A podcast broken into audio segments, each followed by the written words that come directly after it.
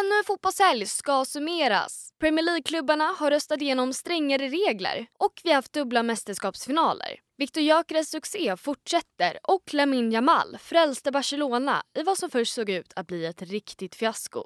Det är den 12 februari och ni lyssnar på Expressen Fotboll med mig, Tova Strömberg.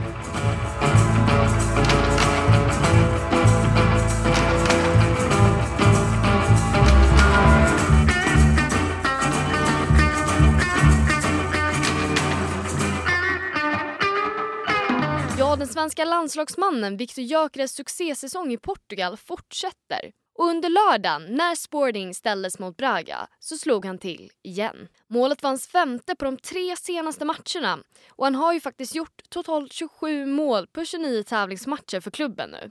Och ni hör ju, det är ju inte ett så dåligt facit med andra ord.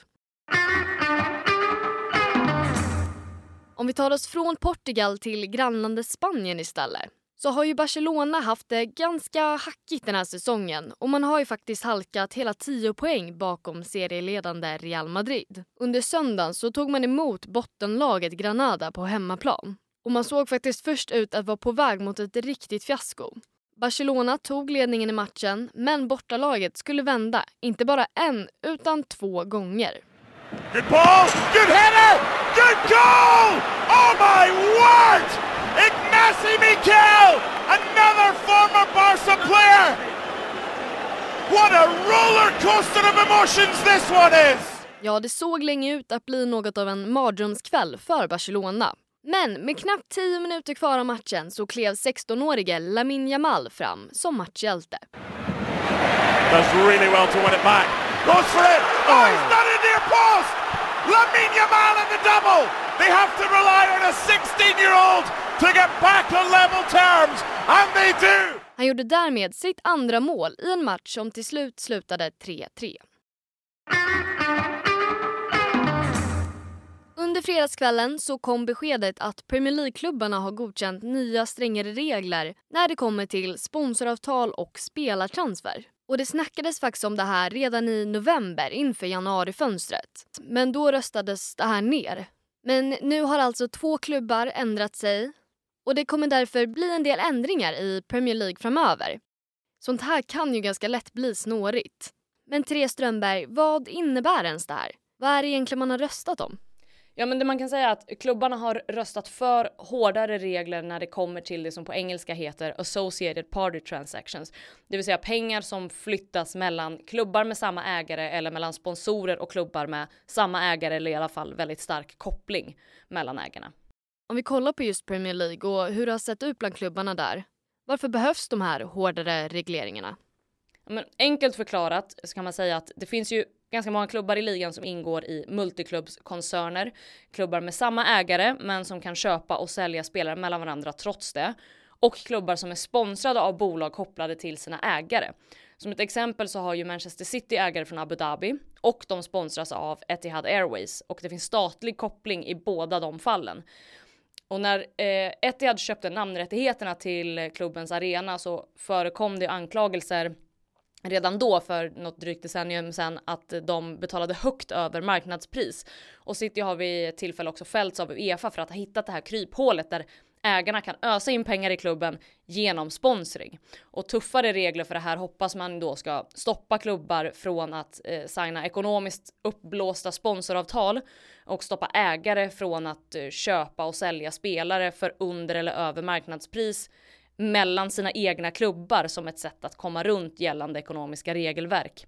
Det har ju höjts röster ganska länge för hur snedbalanserad fotbollen blir när framförallt då stater kliver in och tar ägandeskap över klubbar. Och det här är väl ett sätt att försöka jämna ut förutsättningarna igen och täppa till de kryphål som finns. Klubbarna har ju faktiskt inte varit helt eniga om det här. Det ryktas ju alltid en hel del, men eh, vad vet vi egentligen om hur klubbarna har röstat? Vilka har varit för och vilka har varit emot det här? Vi vet inte exakt. Eh, det vi vet är att 12 klubbar röstade för, 6 röstade emot och 2 avstod från att rösta. Men Uppgifter i engelsk media gör ju gällande att Manchester City har motsatt sig de här reglerna och dessutom också hotat med att eh, dra det här vidare rent juridiskt. Man ska komma ihåg att City just nu är under utredning av Premier League för 115 ekonomiska regelbrott i en enorm utredning som kan få jättestora konsekvenser för dem om de blir fällda.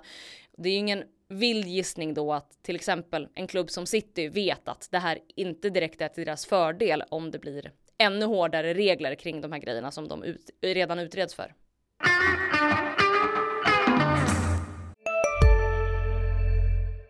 Välkommen till Coolbet där spänningen aldrig tar slut och underhållningen står i centrum. Här får du inte bara Sveriges bästa fotbollsodds. Du får också en spelupplevelse som är rättvis, transparent och framförallt rolig. För oss handlar det om mer än bara spel. Det handlar om att ta en paus, att våga chansa och att kanske vinna stort. Det oväntade gör varje ögonblick unikt. För dig över 18 år, stödlinjen.se. Om vi förflyttar oss bort från klubbfotbollen och till landslagsnivå istället så har det ju faktiskt varit dubbla mästerskapsfinaler nu i helgen. Först ut hade vi finalen i Asiatiska mästerskapen mellan Qatar och Jordanien. Qatar var hemmanation och Jordanien klev ju faktiskt in lite som ett skrällag i sin första final någonsin. Och det blev Qatars Akram Afif som hamnade i fokus efter inte bara ett eller två utan hela tre straffmål he go now? Here he comes again. Similar run. Goes the other way! Akram Afif is a hat-trick hero for Qatar. He's never scored an international hat-trick before. And what a time to do it! Jordaniens mål efter 66 minuter blev därför inte mycket till tröst. Och matchen slutade till slut i en 3-1 vinst för Qatar. Och under söndagen, lite som en avrundning på helgen, så var ju då den andra mästerskapsfinalen. Det var ännu en hemmanation, Elfenbenskusten, som skulle spela mot Nigeria. Och det har ju varit en eh, minst sagt lite krånglig resa för Elfenbenskusten som sparkade sin förbundskapten efter sista gruppspelsmatchen. Trots lite motgångar så står man ju alltså som afrikanska mästare för första gången sedan 2015. Nigeria tog faktiskt ledningen i matchen men hemmanationen lyckades trots det här vända efter mål i 62 och 81 minuten. Han blåser, det gör han inte, han blåser av! Elfenbenskusten vänder den här finalen och president Ouattara kramas om. Och det är våldsam glädje på stadion och laget som vägrar ge upp.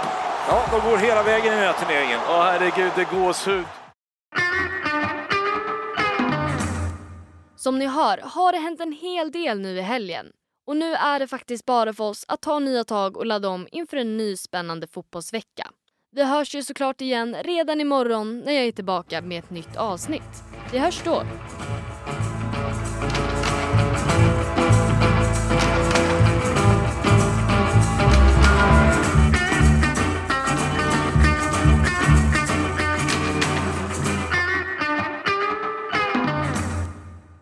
Du har lyssnat på en podcast från Expressen.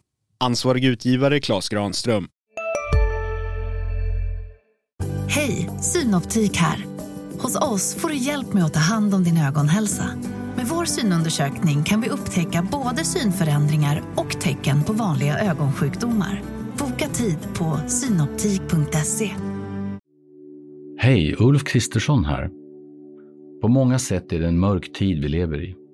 Men nu tar vi ett stort steg för att göra Sverige till en tryggare och säkrare plats.